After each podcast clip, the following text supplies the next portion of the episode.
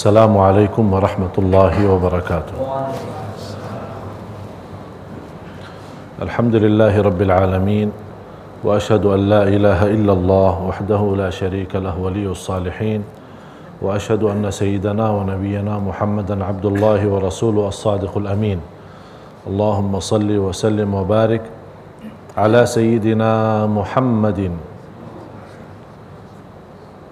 وعلى آله وصحبه ومن تبعهم بإحسان إلى يوم الدين سبحانك لا علم لنا إلا ما علمتنا إنك أنت العليم الحكيم Maha suci Allah Kami tidak mempunyai ilmu apa-apa Hanya saja apa yang diberikan oleh Allah Subhanahu wa ta'ala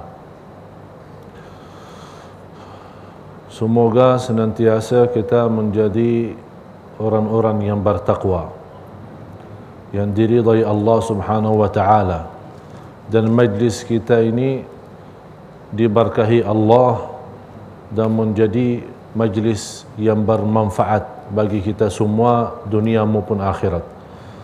Amin ya rabbal alamin. Salah satu kemuliaan untuk kita semua boleh jadi orang-orang yang ikut majlis ilmu. Yang di masa ini banyak umat Islam yang menjauhkan diri dari majlis ilmu. Padahal majlis ilmu menjaminkan kita selamat dunia akhirat. Lebih mengenal Allah lebih mengetahui hak Allah hak Rasulnya sallallahu alaihi wa alihi wasallam. Majlis ilmu harus kita kembali bangkitkan majlis ilmu di masjid-masjid, di surau-surau, di rumah-rumah, di mana saja. Ada kesempatan karena itu yang dinamakan oleh Rasulullah SAW Raudatun min riyadil jannah. Taman dari taman surga رسول الله صلى الله عليه وسلم برسبدا إذا رأيتم رياض الجنة فارتعوا قالوا يا رسول الله وما رياض الجنة قال حلق الذكر وحلق العلم رسول الله صلى الله عليه وسلم برسبدا دمن ينبكن كبد صحابت قالوا صحابتك برجنبا دنن taman surga mampirlah duduklah di situ sahabat bertanya ya Rasulullah apa itu روضة الجنة apa itu taman-taman surga Rasulullah bersabda hilaqul ilmi wa dzikr majlis ilmu dan majlis zikir dan ulama menjelaskan ada surga Allah di dunia. Barang siapa yang masuk surga Allah di dunia pasti masuk surga Allah di akhirat. Apa itu surga Allah di dunia ini? Macam ilmu. Majlis seperti ini. Yang menagungkan lagi majlis ini menjadi mulia di sisi Allah Subhanahu wa taala karena kita mempelajari dan membahas tentang orang yang termulia. Orang yang paling agung orang yang dicintai Allah itu adalah Sayyidina Muhammad sallallahu alaihi wasallam. Berapapun habis waktu untuk mempelajari sejarah dan sirah Nabi Muhammad sallallahu alaihi wasallam tidak sia-sia. Tidak mubazir. Habiskan umur kita semua untuk mempelajari sirah beliau.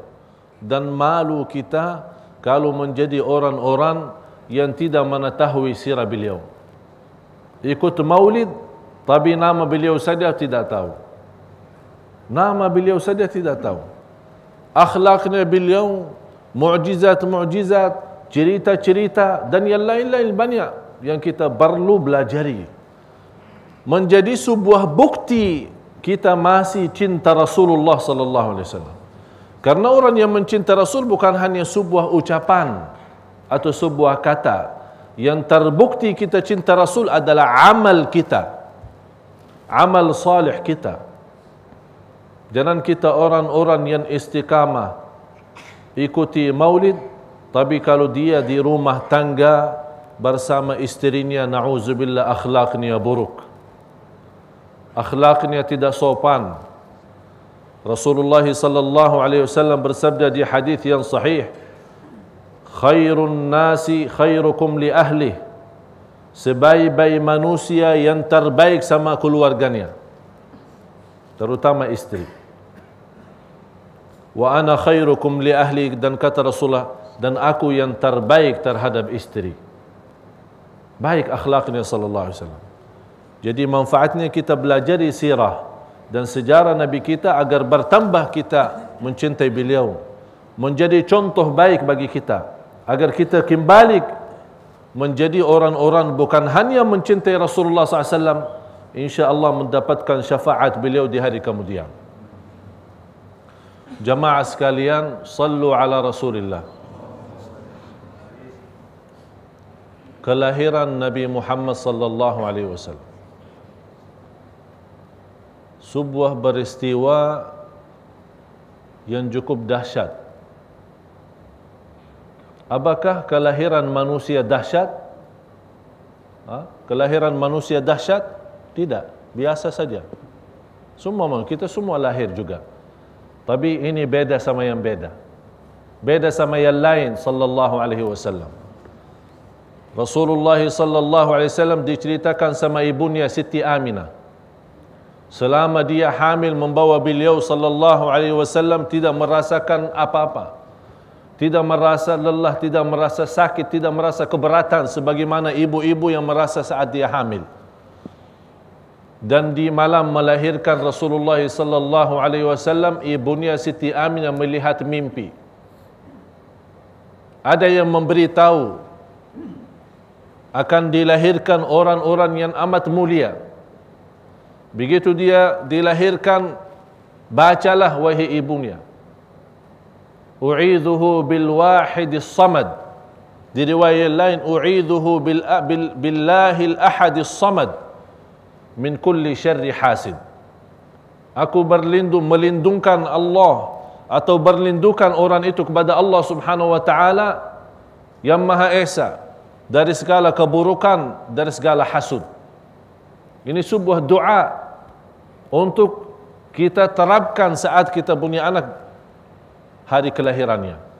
Untuk meminta berlindungan kepada Allah Subhanahu wa taala agar anak kita tetap selamat dan jauh dari hal-hal buruk atau dari jauh dari godaan syaitan dan jin manusia. Jemaah sekalian yang dimuliakan Allah Subhanahu wa taala.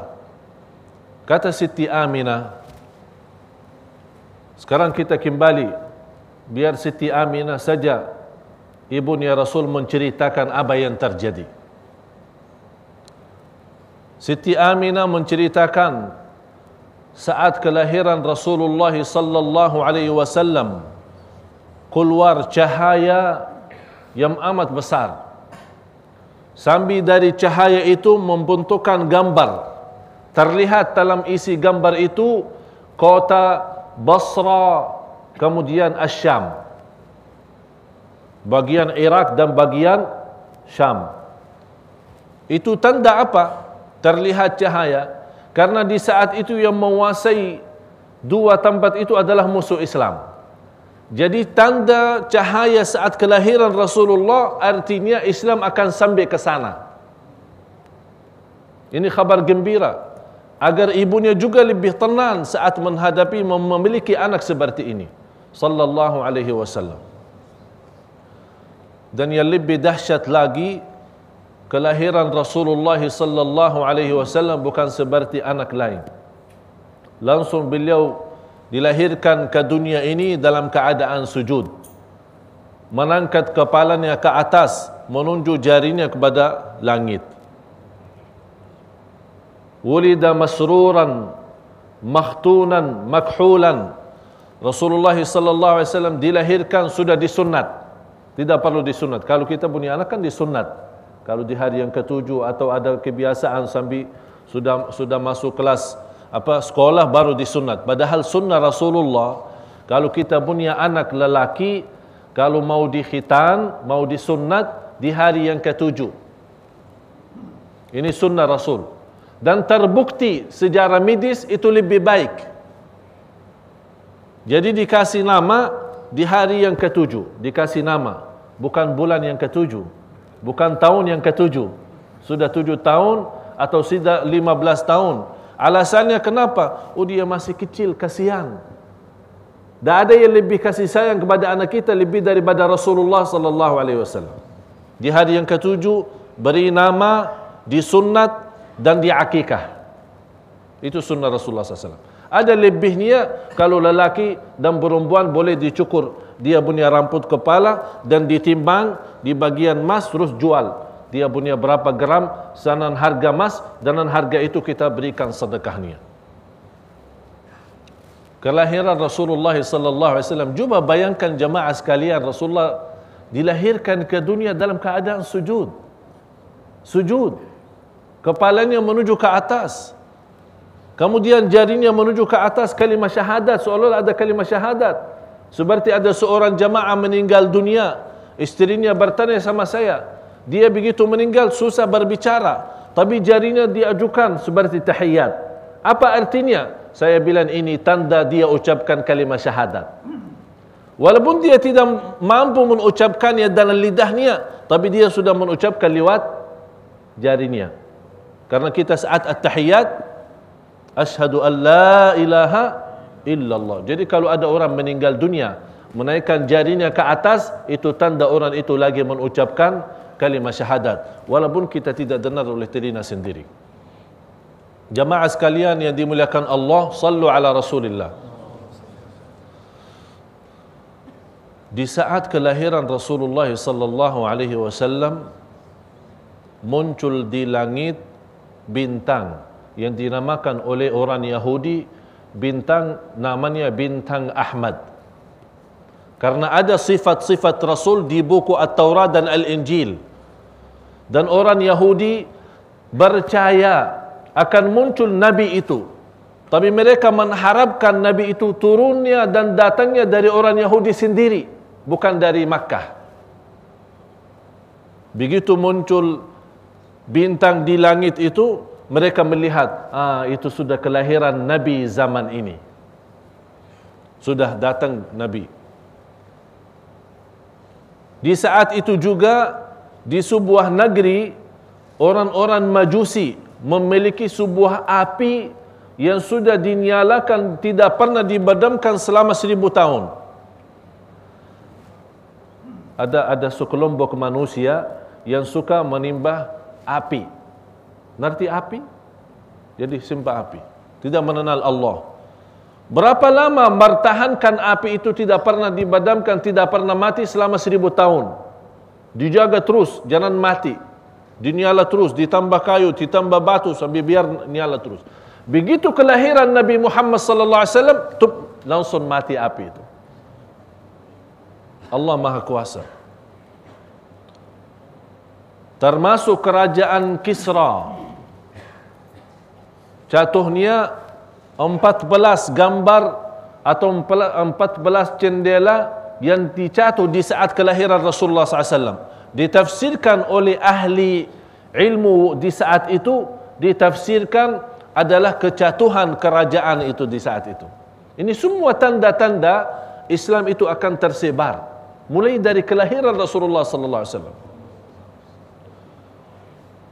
Seolah-olah Allah memberikan tanda dan berita kepada seluruh manusia. Wahai manusia, telah datang yang membawa cahaya kepada Allah. Wahai manusia, telah datang yang membawa anda selamat dunia akhirat.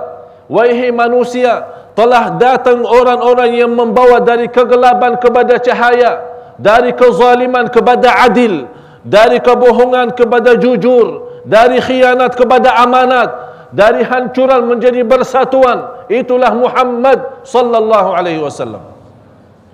Sangat berguna, bermanfaat, terpilih oleh Allah menjadi orang-orang bukan hanya membawa umat Islam saja, membawa seluruh manusia kepada keselamatan. Oleh karena itu, saat kelahiran beliau sallallahu alaihi wasallam semua bersenang. Kakeknya Abdul Muttalib, bamanya Rasulullah Abu Lahab yang kita sama-sama baca tabbat yada abi lahab wa tab senang bas dia ada berita kelahiran Muhammad sallallahu alaihi wasallam.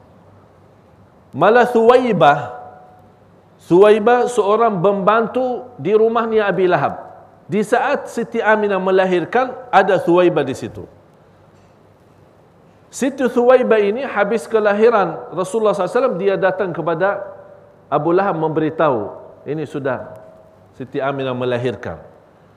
Akhirnya Abu Lahab membebaskan perempuan itu Thuwaibah menjadi orang-orang bebas. Sudah, mau kerja di mana saja silahkan. Saking senang dan gembira.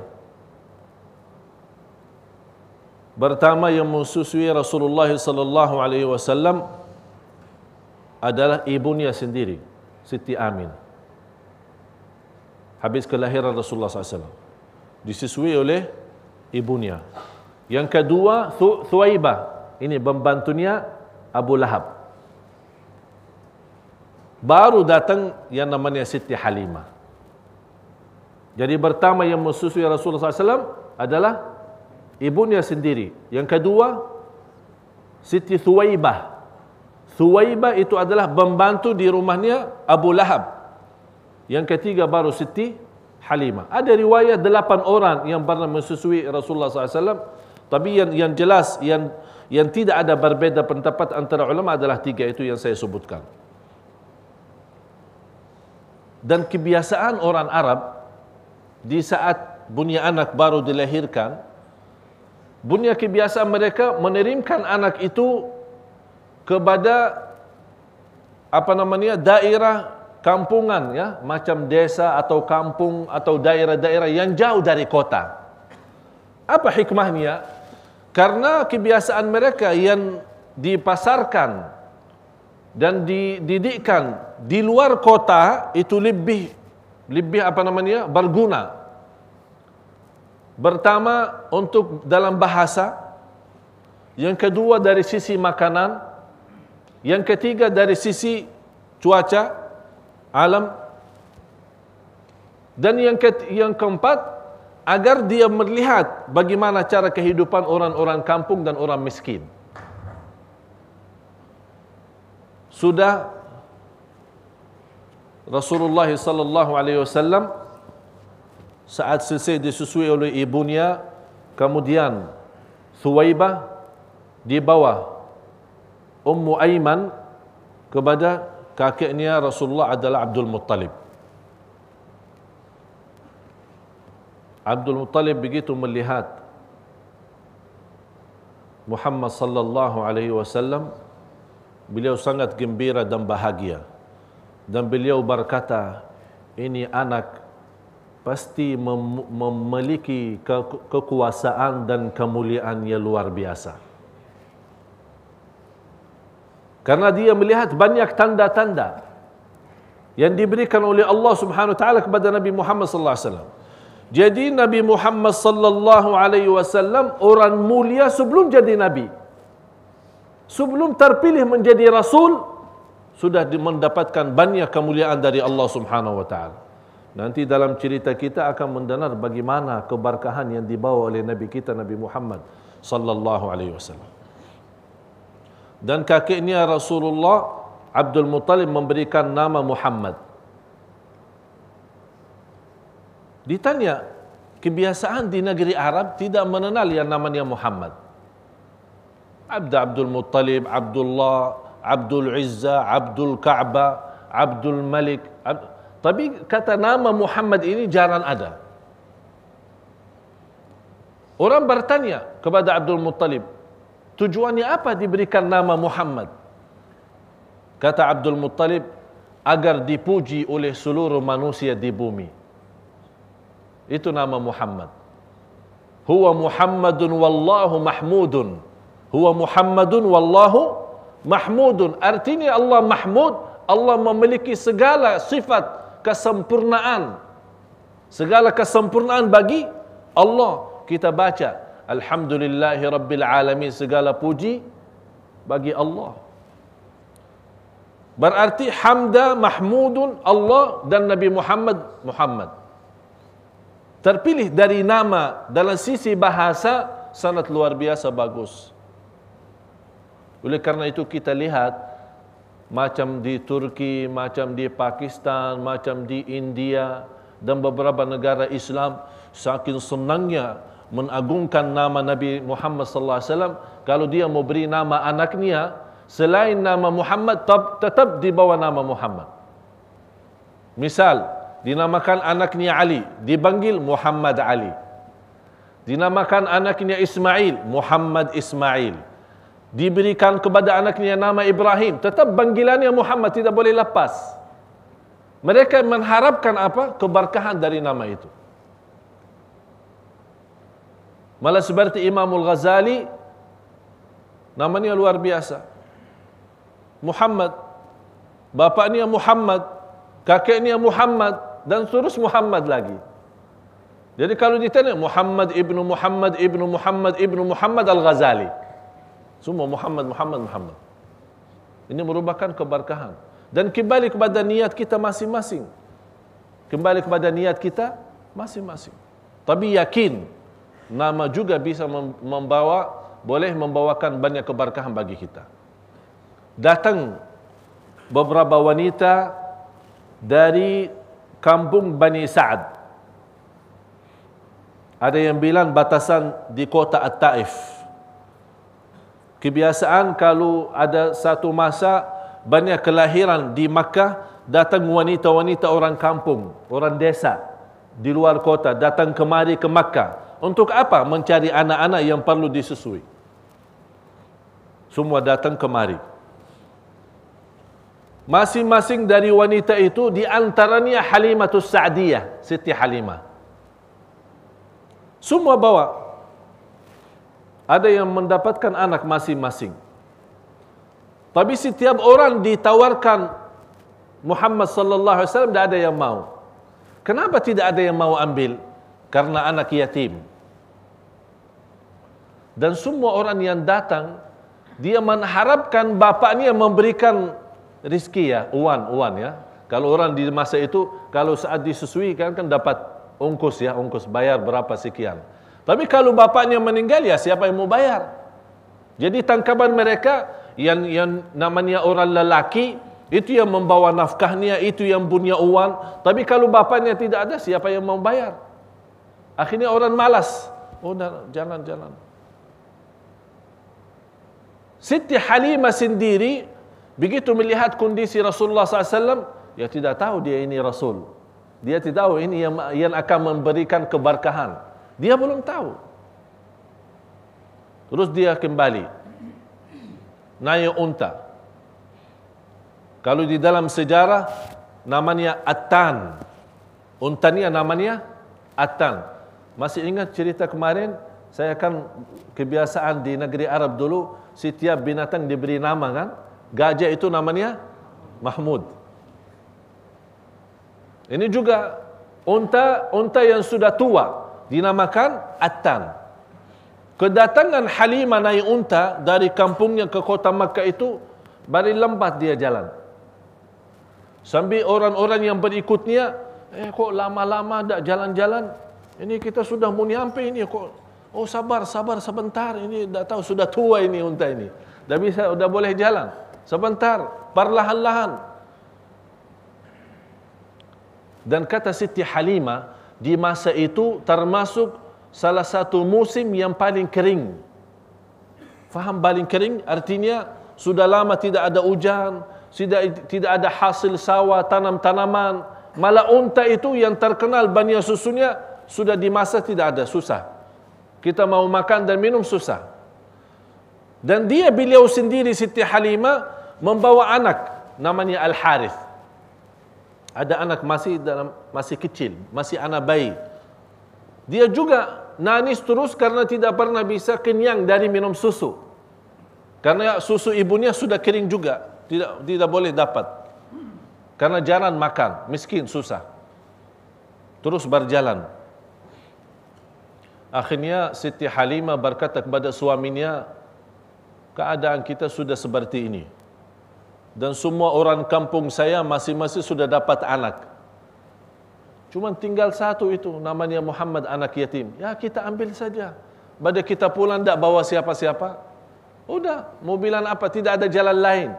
Pada saya pulang orang-orang lihat oh, ini tak bawa apa-apa, saya malu. Ya udah, bawa aja lah. Kata suaminya, bawa aja. Pada pulang kosong, lebih baik bawa. Terus datang bawa Nabi Muhammad. Biarkan Siti Halimah menceritakan. Biarkan Siti Halimah menceritakan apa yang dia dapat sesudah membawa orang-orang yang terisi berkah yang luar biasa. Kata Siti Halimah, begitu kita menggendong anak itu, langsung dia langsung apa minum dari susu Siti Halimah. Yang sebelumnya kata Siti Halimah saja sendiri saya masih belum boleh mendapatkan banyak susu untuk anak saya sendiri. Tapi begitu gendong anaknya, Masya Allah sudah terisi dia punya badan. Masya Allah. Ini barakah. Rasulullah SAW minum susunya sambil habis. Kemudian Al-Harith yang sebelumnya nanis saja tidak mendapatkan enak tidur karena lapar terus begitu dia bersama Nabi Muhammad SAW sudah bisa boleh kenyang kemudian enak tidur. Kata Siti Halimah kepada suaminya oh anak saya juga ikut tidur subhanallah. Ada berita baru tapi mereka belum tahu. Belum tahu di situ ada tangan Allah. Ada kekuasaannya Allah karena mereka membawa seorang yang amat mulia Muhammad sallallahu alaihi wasallam. Apa yang terjadi selanjutnya? Dalam perjalanan mereka sambil pulang kampung dan banyak keberkahan yang didapat oleh mereka dan banyak rahasia-rahasia sejak kelahiran Rasulullah sallallahu alaihi wasallam dan sebelum menjadi nabi. Yang insya-Allah kita akan sama-sama mendalami dan mempelajari dalam pertemuan yang akan datang. Semoga bermanfaat bagi kita semua. Dan semoga insya Allah sebagaimana kita sama-sama berkumpul di majlis ini, mudah-mudahan kita sama-sama jumpa lagi di surga Allah bersama Nabi Muhammad sallallahu alaihi wasallam. Inna Allah wa malaikatahu yusalluna 'alan nabi. Ya ayyuhalladzina amanu sallu alaihi wa sallimu taslima. Allahumma salli wa sallim wa barik ala sayyidina Muhammad wa ala alihi wa sahbihi wa sallam. والحمد لله رب العالمين.